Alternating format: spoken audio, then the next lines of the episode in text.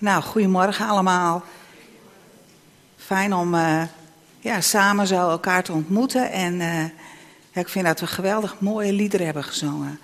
Prachtige uh, betekenis. Ik wil gaan waar u gaat. Ik wil, wat de Heer Jezus zegt, dat hij alleen maar doet wat de Vader tegen hem zegt. Geweldig dat we ja, dat zo uit mogen zingen en mogen ontvangen in ons hart. nou, het is een hele mooie dag vandaag. Niet omdat de zon zo schijnt, want het is ook best wel koud. Maar het is een hele mooie datum vandaag. We hebben vandaag 15.02.2015. Uniek, een hele mooie dag vandaag.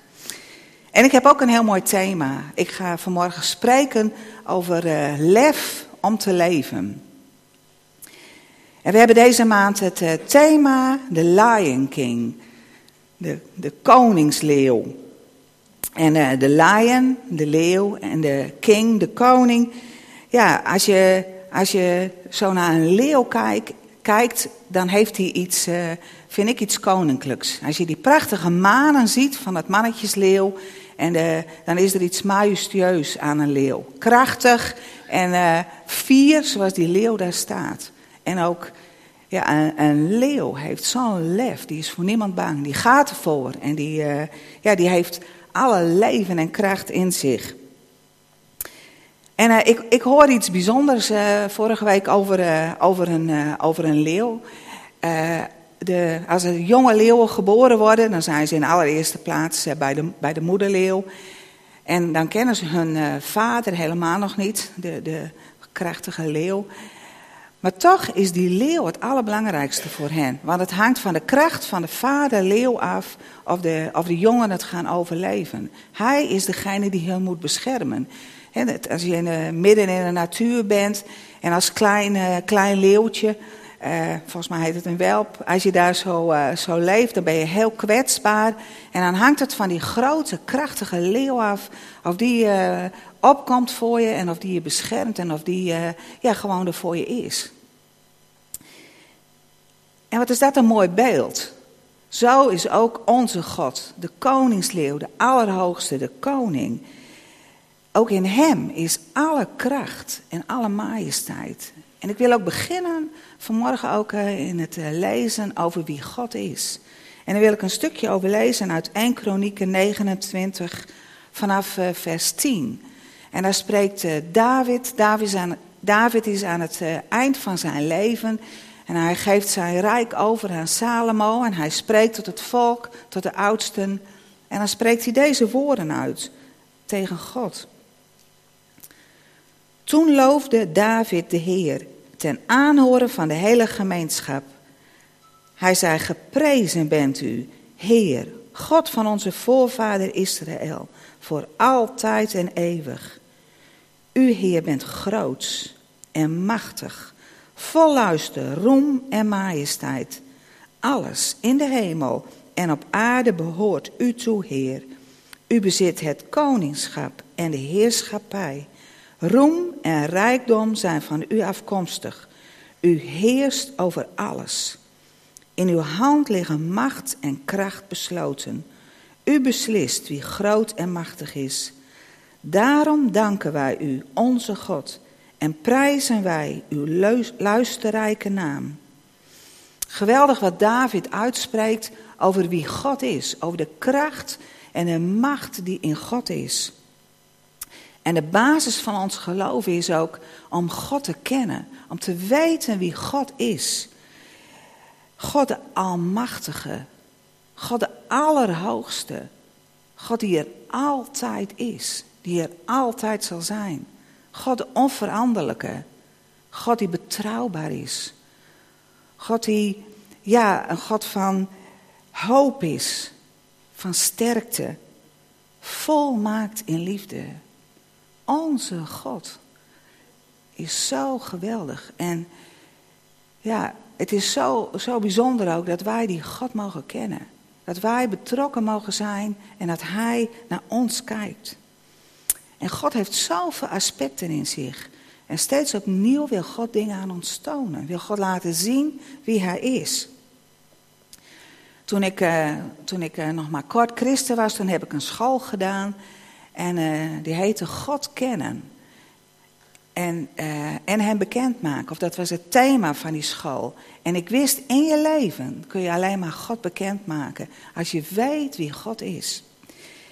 En uh, in die tijd leerde ik ook dat God mijn vader was. En uh, ja, dat is gewoon, ik heb het wel eerder verteld, maar dat heeft zo'n verandering in mijn leven gebracht. Te weten dat God je vader is. En ik had een ontmoeting met God. En ik, ik, ik, ik proefde Gods liefde. En ik, ik, ik wist op dat moment dat de woorden die in de Bijbel staan, dat God een vader is, dat die gewoon waar zijn. En dat is nooit meer uit mijn leven weggegaan. Dat is gewoon, uh, wat iemand ook zal zeggen, ik weet gewoon, God is mijn vader. Ik weet gewoon, God houdt van mij. Wat ik ook doe en, en waar ik ook doorheen ga, God is mijn vader. En heel vaak gaat het in ons leven zo. Dat God zich op een speciale manier aan ons bekend maakt. Dat we een ontmoeting met Hem mogen hebben. En dat het dan een zekerheid is in ons leven. Dat we dat mogen, mogen weten. Dat we daarvoor, ja, mogen, dat dat een, een, ja, gewoon, een, gewoon een zeker weten is, heel diep in ons. En dat wil God aan ons bekendmaken. Alle aspecten die in God zijn, zijn geweldige grootheid. En we mogen ons verwonderen. En we mogen ons blijven verwonderen over wie God is. En dat houdt niet op. Misschien wil God je wel hele andere dingen leren op dit moment. Dat God ook een God van vreugde is. Christen zijn kan ook, nou ja, kan, hoe wij ermee omgaan, kan het ploeteren en zoeken worden. Maar God is een God van vreugde. In Hem is zoveel vreugde. En God wil vreugde aan ons geven. Vreugde dat we bij Hem mogen zijn. Dat we ja, rust bij Hem mogen vinden. Dat, dat we een leven hebben om wat het waard is om te leven. En God wil ons ja, gewoon vreugde geven. En vreugde maakt dingen zoveel makkelijker. in de Bijbel staat ook: vreugde is mijn kracht. Nou, vreugde is iets wat ik echt wel ontdekken mag. Eh, om daarvoor te gaan. Dat is iets dat God aan je kan geven. Dat God een God van vreugde is. Maar ook een God van hoop. In welke situatie je ook zit. God is een hoopgever. God wil hoop in je gieten. En God wil hoop aan je geven. Geweldig dat wij zo'n God mogen hebben en dat wij met Hem mogen leven. En dan is het zo bijzonder dat die God van kracht en leven, dat die God jou persoonlijk kent. Dat hij precies weet wie jij bent. Er is niemand die jou zo goed kent dan God. Die je gedachten kent, je plannen. We zongen net in het lied van uh, U regeert. Zelfs wat verborgen is mijn hart, wat misschien niemand weet. Ook niet de mensen heel dichtbij je. God weet het. En God houdt van je. En wat zo bijzonder is, als God naar je kijkt, dan ziet hij niet jou, maar hij ziet de Heer Jezus in jou. Als je je leven aan God hebt gegeven, dan woont, dan plaatst God jou in de Heer Jezus. En de Heer Jezus is in jou. En als God naar je kijkt, dan ziet hij zijn zoon. En daarom houdt God zo onnoemelijk veel van je. En God ziet, ja, de liefde van zijn zoon, die ziet hij in jou. En hij, hij, hij heeft een geweldige ja, uh, uh, liefde en, en, en, een hart voor je, omdat, uh, omdat zijn zoon in jou is. En als je in de Bijbel leest hoe de Vader en de Zoon en de Heilige Geest verbonden zijn, zo in die intimiteit mogen wij ook met God leven. En God heeft zijn Heilige Geest in je gelegd. En alles vanuit de hemel wil God aan je geven. Alles is beschikbaar. En wij mogen eruit leven, wij mogen eruit putten, wij mogen erin groeien. En het is niet wat je doet, wat bepaalt wie je bent. Maar het is de, de waarde, de identiteit die God aan je geeft. En God zegt, heb je nieuw gemaakt. Ik heb je een nieuw leven gegeven. En dat verandert er niet aan of je allemaal dingen heel goed doet. Er is in, ons, in onze maatschappij en ook in ons christen zijn is zo vaak dat de waarde afhangt van wat we doen. Dat we ook zo naar, naar elkaar kijken. Toen ik bij, dat is heel lang geleden, maar toen heb ik bij Jeugd een opdracht gewerkt. En toen ik daar kwam, toen zeiden ze tegen mij, uh, we zijn blij dat je hier komt om wie je bent. En ik dacht gelijk, ja, leuk gezegd.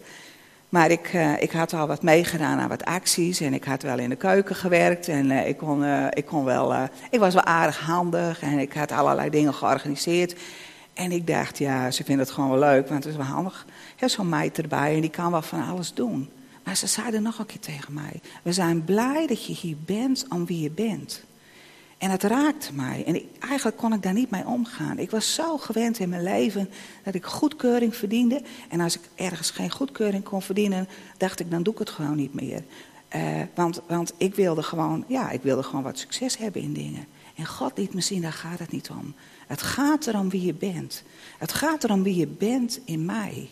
En eh, dan kan God dat in je leven aanraken, maar het gaat op een gegeven moment zoveel verder.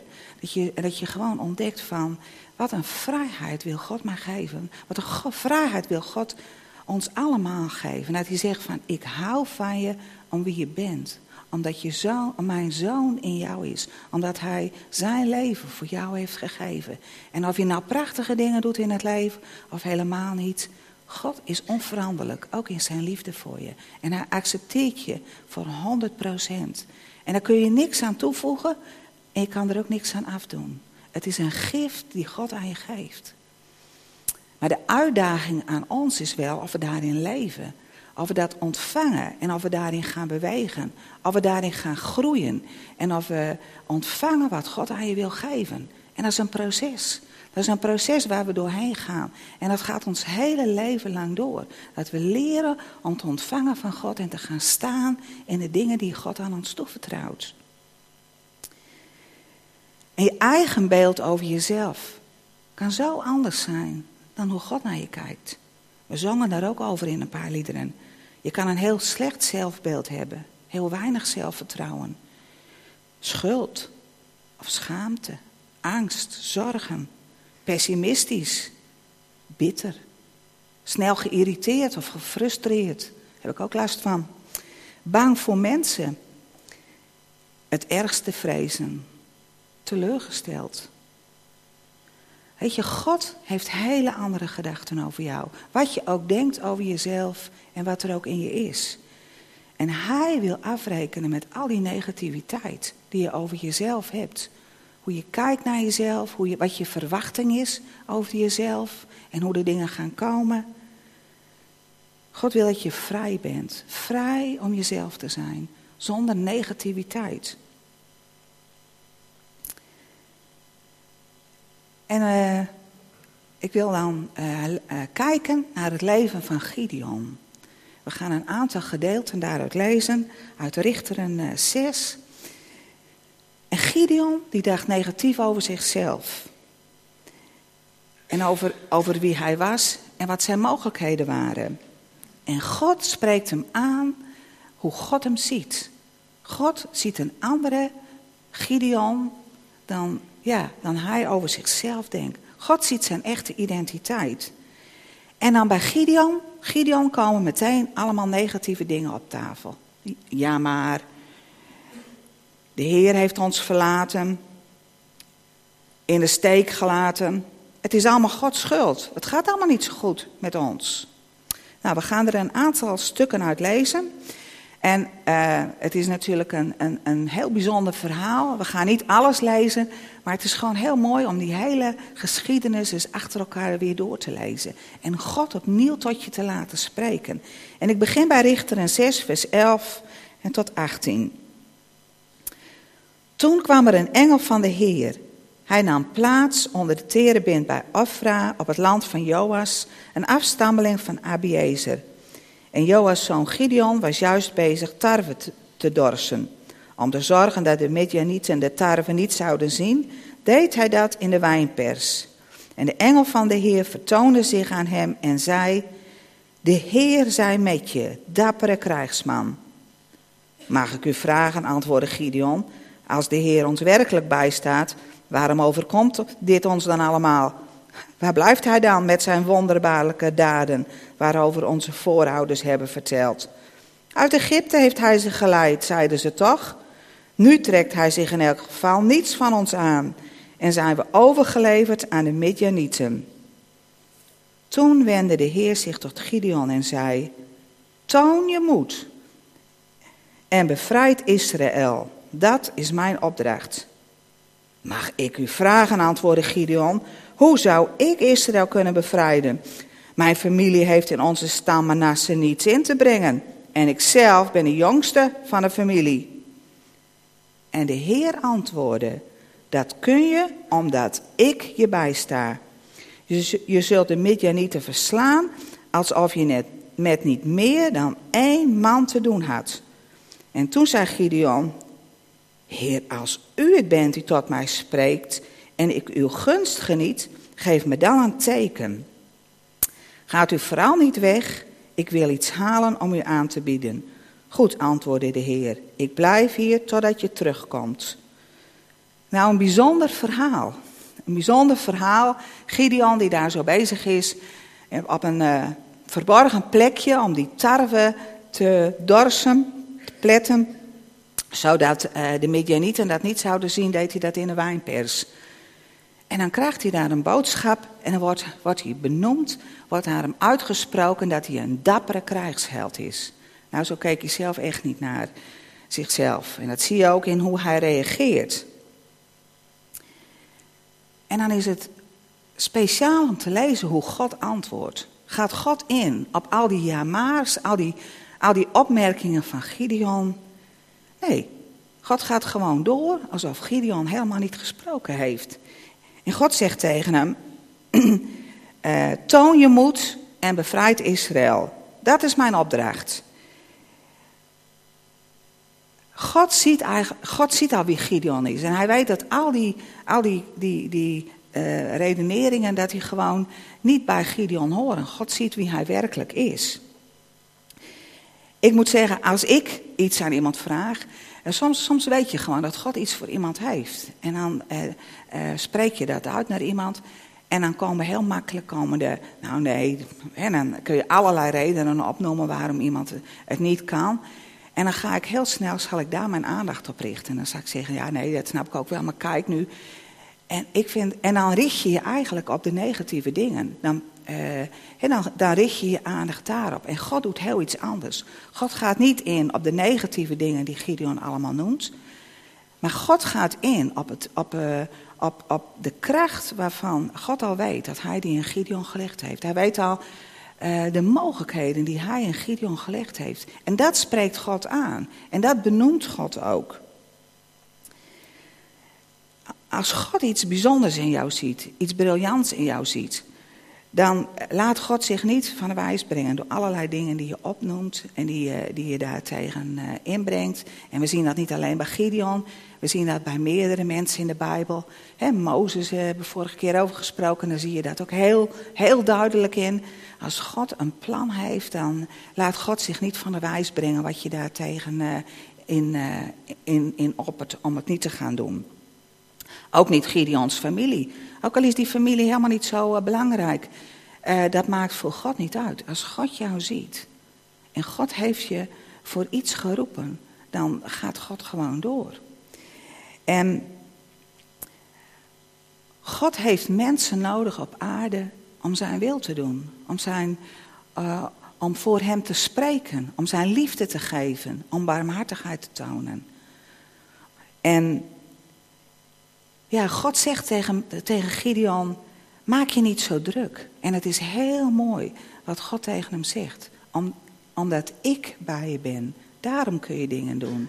En dan zegt hij, uh, en dat is, dat is, uh, je zult de Midianieten verslaan alsof je net, met niet meer dan één man te doen had.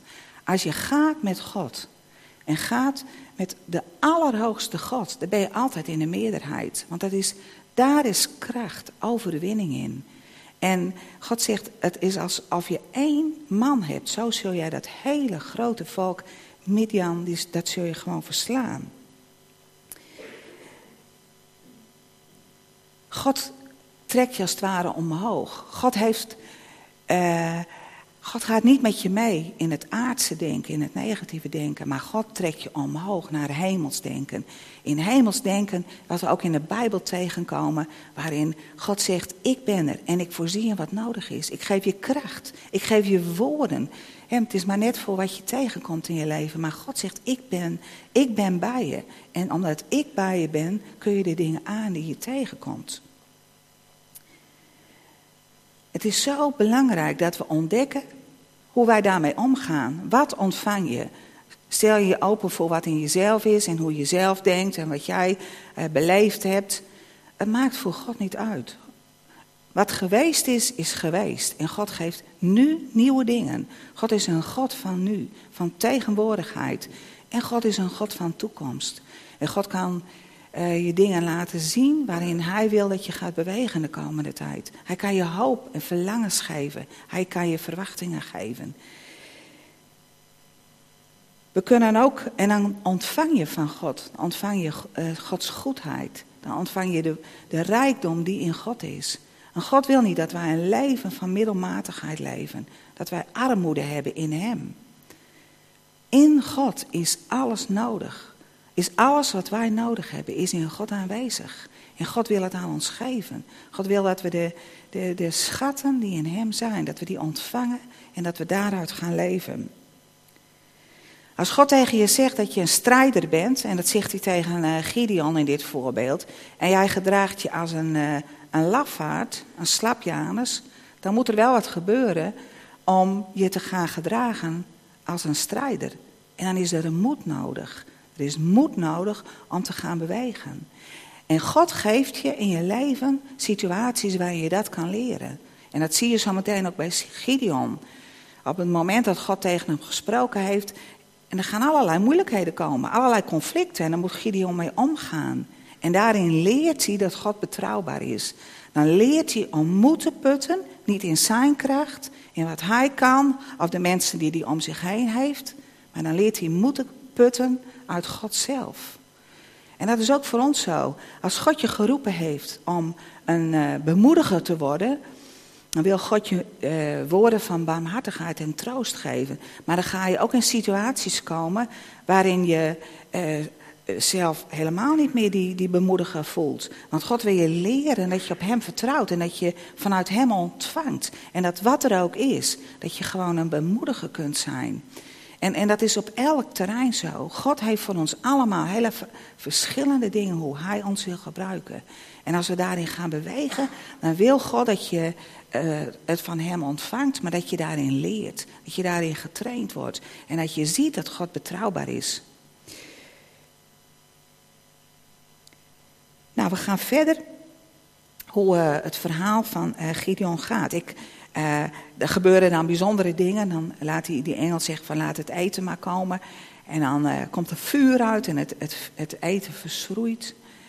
En, en Gideon gaat nog een, meteen in actie. En die, die, die, die, die haalt de, de afgodsbeelden neer. Die offert de stier van zijn vader. Die krijgt het gelijk te verduren. Want de mensen zeggen gelijk van wie heeft dit gedaan. Oh, Gideon, dus die moeten we hebben. Maar God beschermt hem. En zijn vader geeft die wijsheid dat dat allemaal niet gaat gebeuren. En dan gaan we verder in vers 33. Weer sloten de Midianieten, de Amalekieten en andere woestijnvolken uit het oosten zich aan een.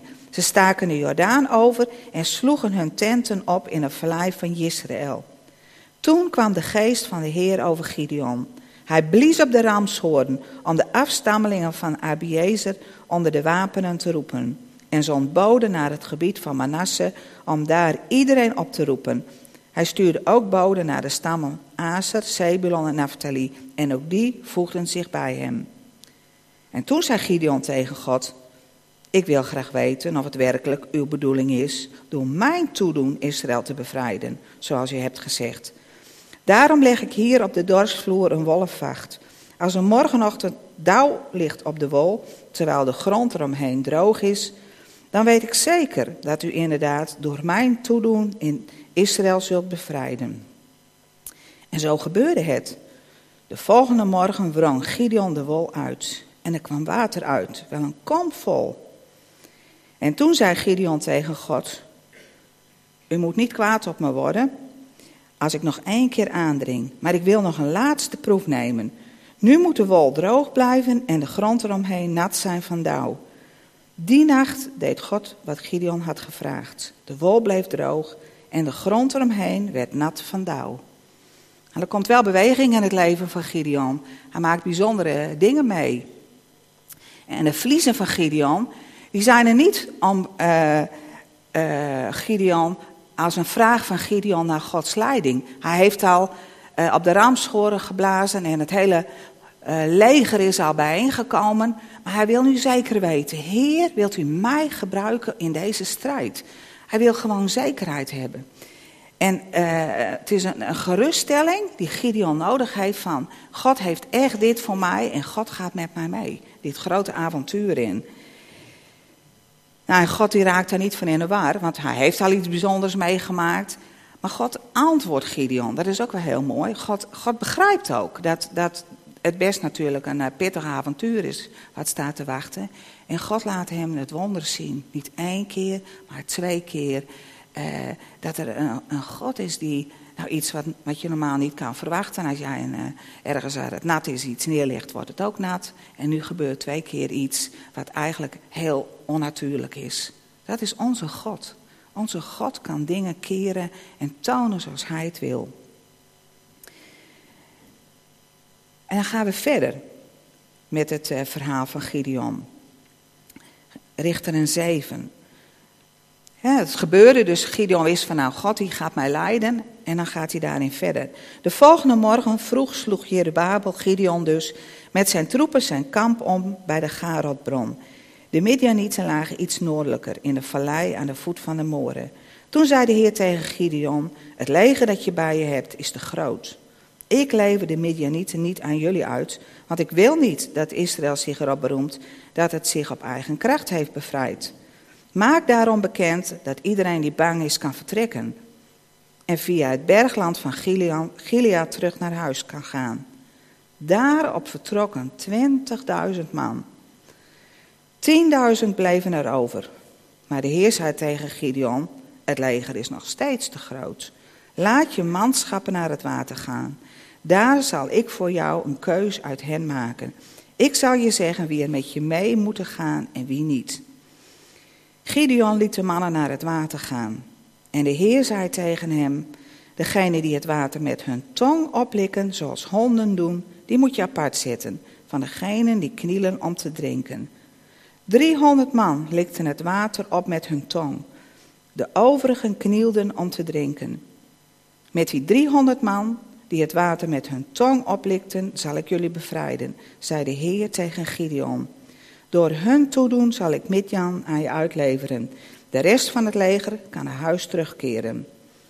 Gideon hield dus alleen die 300 man bij zich en stuurde de rest van de Israëlieten weg, elk naar zijn eigen woonplaats. Maar eerst had hij hun proviand overgenomen en al hun ramshoorns. Het kamp van de Midianieten lag beneden hem in de vallei. Nou, dat is me wel een uh, beweging. Je staat klaar, je hebt al van alles meegemaakt. Je weet dat God je roept, dat God uh, jou zal gebruiken om het leger uh, te leiden, aan te voeren en in de aanval over te gaan. Je staat daar klaar met een mooi groot leger. En dan opeens komt God met hele andere plannen. God zegt tegen hem: Dit hele leger is te groot. Moet je eens voorstellen dat je zo in de strijd staat. Ik weet zo niet, maar het aantal van de Midianieten zijn nog veel groter dan dit aantal. Een heel groot leger heeft al tijdenlang uh, het volk uh, geplunderd en in hun, ja, gewoon, ja, eigenlijk alles van hun geroofd. En, en hun in, macht gehouden. En nou zal Gideon daar uh, met dat leger verandering in brengen. Dan staat hij klaar. En dan zegt God van er zijn veel te veel. Laat al die mensen die bang zijn, laat die maar vertrekken. Nou, Gideon kijkt om zich heen en warempel. Overal ziet hij mensen vertrekken. Al die scheidhazen die gaan er vandoor. 22.000.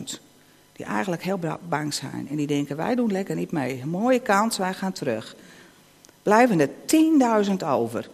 Nou, als je je voorstelt, hè, het was half drachten en dan blijft er nog een wijkje over. En dan staan ze daar en dan zegt God, dit leger is nog veel te groot. Want anders beroemen ze zich dat ze het in eigen kracht hebben gedaan. Dat ze hè, door hun uh, eigen uh, mogelijkheden dit, dit, over, deze overwinning behaald hebben. En dan zegt God tegen Gideon: Ik zelf ga een keuze maken welke personen mee gaan vechten. Of, of wie ik ga gebruiken in de strijd. En dan moeten ze naar het water gaan. Nou, ik heb nog nooit gehoord dat ze zo'n keuze deden welke mensen iets moesten doen. Het zou raar zijn als wij zo hier de oudsten uitzochten. Dat wij uh, zeggen van we doen een proefje en wie het op een bepaalde manier doet, dan zegt God die kies ik uit. Ik bedoel, we lezen het. Maar stel je dit eens voor. Je bent daar met een leger, je weet niet wat je moet doen. En Gideon zegt, jullie mogen nog wat water drinken voor we naar de, voor we naar de uh, strijd aan gaan. Ze weten helemaal niet wat dat daarna gekeken wordt. Dus ze gaan naar het water toe. En sommigen die slurpen het gewoon op, op knieën en drinken het op. En anderen die doen het een beetje netjes. En dan zegt God, al die het een beetje netjes deden, kunnen we weggaan. Die hebben we ook niet nodig. En dan blijven er 300 man over. Nou, reken dat eens uit van wie er eerst waren en die er nu zijn. 300 man. En daar moet Gideon mee doen. Nou, zou hij naar huis gaan? Denkt hij van, nou heer, dan kunt u het misschien ook wel zonder mij. Want met die 300 uh, eh, gaan we het daarmee redden. Maar dat is de situatie waar Gideon in komt. Hij is, hij is op weg gegaan met de dingen die God tegen hem gezegd heeft. En dan komen er steeds momenten waarop hij moet kiezen: vertrouw ik nou op God? Doe ik wat God zegt? Tegen alle logica in. Want je denkt, hoe meer, hoe beter, hoe sterker, hoe meer kans dat we het redden. En nu blijven met een groep van 300, nou het zijn ook nog van die rouwdouwers. Hè? Maken zich nergens druk om. En die, uh, daarmee moet Gideon moet hij de strijd aangaan. En al die anderen laat hij gaan. Nou, het zou een mooie film wezen als je daar een film van ging maken.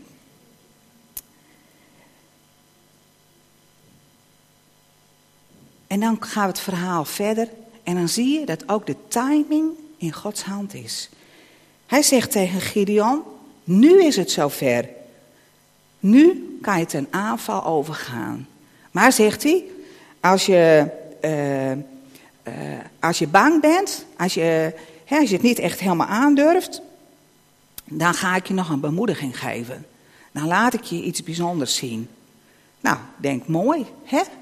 God die gaat hem nog een bemoediging geven. Maar waar gaat God hem die bemoediging geven? Dan moet je wel naar het kamp van de vijand gaan. Samen met je knecht moet je naar het kamp van de vijand gaan. En denk je, nou heer, kunt u me dat hier niet geven? Dat is wel zo veilig. Gideon moet naar het kamp van de vijand gaan. En dan zegt God, dan zal je iets ontvangen waarvan je weet, nou nu kan ik het avontuur aan. Dan gaan we lezen. Het staat in Richter 7 vanaf vers 9. Die nacht zei de Heer tegen Gideon, het is zover, doe een aanval op hun kamp ik geef het je in handen. En als je geen aanval durft te wagen, sluip dan met je knecht Pura naar beneden, om te horen waar ze het over hebben. Dat zal je moed geven voor de aanval. Nou, dat heeft Gideon wel nodig. Samen met zijn knecht Pura sloop Gideon tot vlak bij de voorposten van de vijand. De Midianieten waren met de Amalekieten en nog andere woestijnvolken als sprinkhanen over de vlakte uitgezwermd. Hun kamelen waren ontelbaar als zandkorrels aan de zee.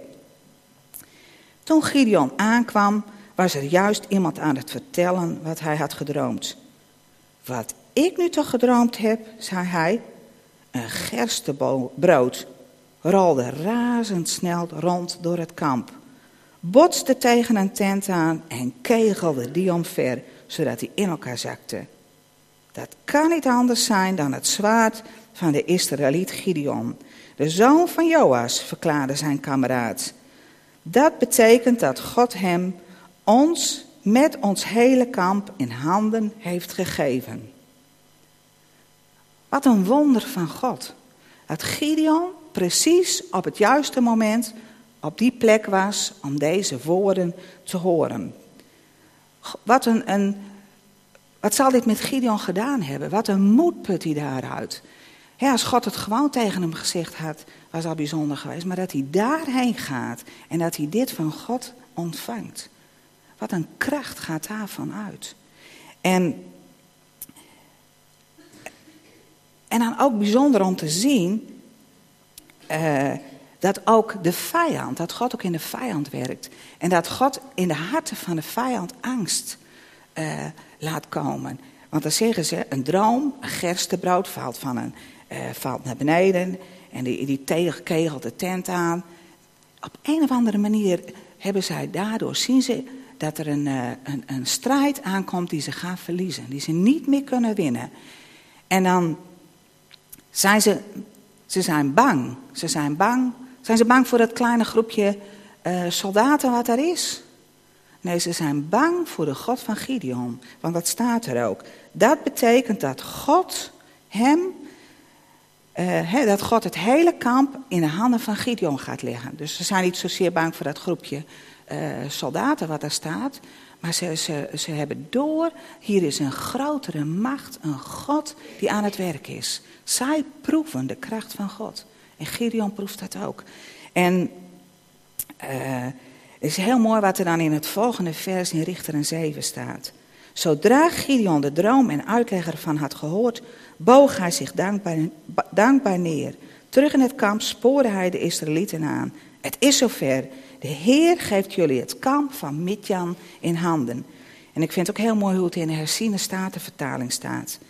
En het gebeurde toen Gideon het verhaal van de droom en zijn uitleg had gehoord. Dat hij zich in aanbidding neerboog. Hij was zo onder de indruk van God. Hoe God werkte en hoe God liet zien wie hij was. En hoe hij uh, ja, Gideon daar uh, bracht op dat moment. Dus hij boog neer voor God. We in het begin ook gezien hebben de allerhoogste God. De God van, ja, God van nu. De God die hij op, deze, op dit moment op zo'n bijzondere manier leerde kennen. Gideon die boog neer voor God. En hij wist. Hij kon toen ook zijn mannen oproepen en hij wist van nou, God gaat het gewoon aan ons geven. Het maakt niet uit. Al was ik alleen, al waren we met tien. God gaat het gewoon geven, want God heeft een plan en God wil het volk Israël bevrijden van de vijanden. En God geeft hem ook meteen een strategie, een plan wat hij moet gaan doen. Want ze gaan niet het uh, kamp in om te gaan uh, uh, vechten, maar God geeft hem een, een geniaal plan. En nou, dat lezen we ook nog even, dat begint in vers 16.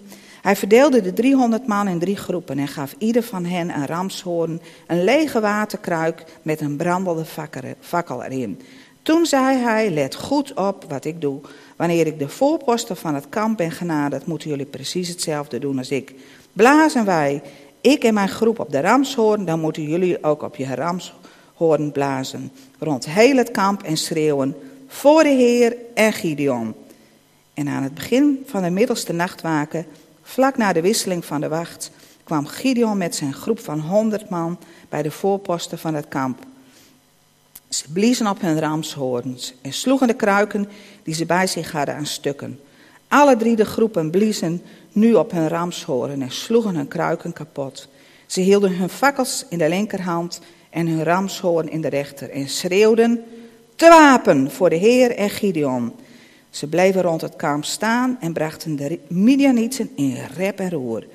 En terwijl de 300 Israëlieten op hun ramshoorns bliezen, liet de Heer de Midianieten in heel het kamp het zwaard tegen elkaar opnemen, tot ze uiteindelijk op de vlucht sloegen in de richting van Sirera, naar Bet Hasitta tot aan de rivier Abel Megola, boven Tabat. Prachtig, wat een overwinning. Ze hoeven zelf helemaal niet aan het vechten. Ze, ze proclameren en roepen uit uh, voor de Heer en voor Gideon. En God laat een verwarring ontstaan in het kamp. Ze gaan elkaar te lijf en ze vluchten weg. En het land wordt bevrijd van de vijanden. Dat is onze God. Die zijn plan ja, door Gideon heen doet. God keert het leven van Gideon op. En God maakt van hem een, een, een dappere krijgsheld. Hij zegt zichzelf niet zo als veelbelovend. Maar God trok hem op naar het plan wat God voor hem had. En God gaf hem een geweldige overwinning. Onvergetelijk. En voor ons, als wij het lezen, kunnen we er zo door geraakt worden. Maar God wil dat ook voor ons doen. Nu, want nu de blik naar ons. Hebben wij het lef om ervoor te gaan voor de dingen die God tegen ons zegt? We hebben niet een leger waar we uh, mee aan de, aan de haal moeten gaan. Maar we hebben allemaal dingen die God aan ons toevertrouwt. God spreekt dingen tegen ons. God heeft dingen ja, waarin Hij ons wil, wil optrekken naar zijn plan. Hebben wij het lef om dat te doen? te luisteren naar God. Luisteren, luisteren, dat betekent iets. Want als je zegt, Heer, hier ben ik, wat heeft u voor mij? Wat spreekt u tegen mij? En God gaat je dingen zeggen, dan, dan vraagt dat ook dat je daarin gaat bewegen. Want dan gaat God meer tegen je zeggen. Gaat God meer tot je spreken. Er staat heel mooi in 2 Timotheus 1, vers 7. God heeft ons niet een geest van lafhartigheid gegeven, maar een geest van kracht, van liefde en van bezonnenheid. Die Heilige Geest is in ieder van ons. Een geest van liefde, van kracht, van bezonnenheid. Niet een geest van bangheid. Je mag je lefheid halen vanuit de Heilige Geest die in jou is. En die zegt, ik geef je wat je nodig hebt. Je mag tevoorschijn komen. Durf te zijn wie God, ja, zoals God je ziet. Heb het lef om te gaan voor de dingen waarvoor God je roept. En een tekst die, uh, een van de dingen die ons af kan houden van de plannen die God voor ons heeft, is angst. Angst, kan ik het wel? Uh, vinden mensen het niet gek wat ik doe? Uh, nou, stel dat ik niet uit mijn woorden kom. Of ja, angst voor mensen. Angst, nou je kunt het invullen. Angst kan je zo verlammen. En in 1 Johannes 4, vers 18 staat een hele bijzondere tekst. De liefde laat geen ruimte voor angst. Volmaakte liefde sluit angst uit. Want angst veronderstelt straf. In iemand die angst kent, is de liefde geen werkelijkheid geworden. God zegt: Ik hou onvoorwaardelijk voor je. Ik hou van je en ik blijf van je houden zoals je bent. Wat je ook doet, of wat er ook gaat gebeuren. En God zegt, mijn volmaakte liefde is in jou. En als je die liefde van God ontvangt, als je die aanneemt, als je daaruit gaat leven, dan kan angst geen plek hebben. Dan gaat angst verdwijnen. Gods liefde wil je zo aanraken, dat je daar zo vol van bent, dat het je niet meer uit gaat maken wat anderen ervan denken. Of je het nou heel mooi zegt of niet. Als je weet, ik mag iets doorgeven van God. Ik mag misschien iets bidden wat God op mijn hart legt. Weet je, God is degene die uitwerkt wat er doorheen gebeurt. Maar wij mogen de dingen doen die God aan ons toevertrouwt. En we mogen leren in dingen. Een kind wat net begint te lopen, prachtig. Maar die kan eerst ook maar een paar stapjes. Als wij gaan bewegen in de dingen die God aan ons geeft, dan mogen we leren. Dan mogen we erin gaan groeien. En net zoals ouders, nou, dus, eh, eh, eh, ouders zijn bijna niet enthousiaster dan wanneer hun kind gaat lopen, wanneer die wat stapjes doet. Nou, zo kijkt God ook naar ons. Die kijkt naar elke stap die je met hem doet. En God wil je uitdagen om met hem te gaan. En de liefde van hem gewoon toe te laten in je leven. Dat je ontvangt. Ontvangt.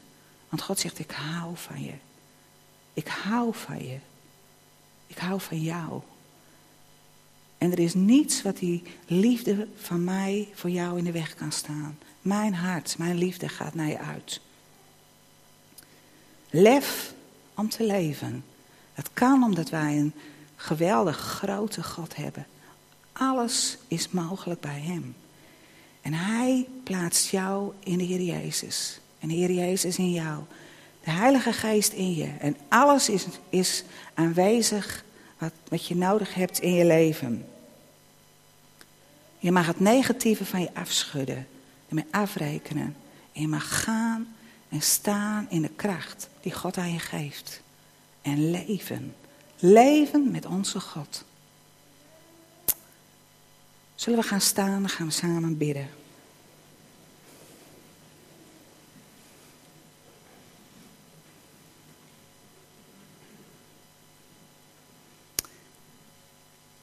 Dank u wel, Heer. Dank u wel dat we vanmorgen ook hier bijeen zijn in uw naam, om wie u bent. Oneindig groot. Oneindig machtig. Geweldig. En toch zo dichtbij. Dank u wel dat uw liefde naar ons uitgaat. Dat uw hand op ons leven is. Heer, en dat u zegt van, ik hou van je zo als je nu bent. En laat wat geweest is achter je. En ga je bewegen in de dingen die ik nu voor je heb. Ik heb mijn zoon voor jou gegeven. Het heeft me alles gekost. En ik wil je leven geven. Ik wil je moed geven. Ik wil je rust geven. Ik wil je vrede geven. Ik wil je kracht geven. Ik ben er. En ik blijf bij je. En ik laat je geen moment alleen. Heer, dank u wel daarvoor. Dank u wel dat u dat aan ons geeft. Heer, dat we het mogen ontvangen. Heer, en dat we met u, ja, leven mogen. Met, met hoofdletters. Leven, volheid van leven. Geen middelmatigheid en armoede in ons, in ons zijn. Heer, maar ja, de kracht van u in ons leven. Heer, dank u wel dat u aan ons, dat aan ons geeft. Dank u wel daarvoor. Amen.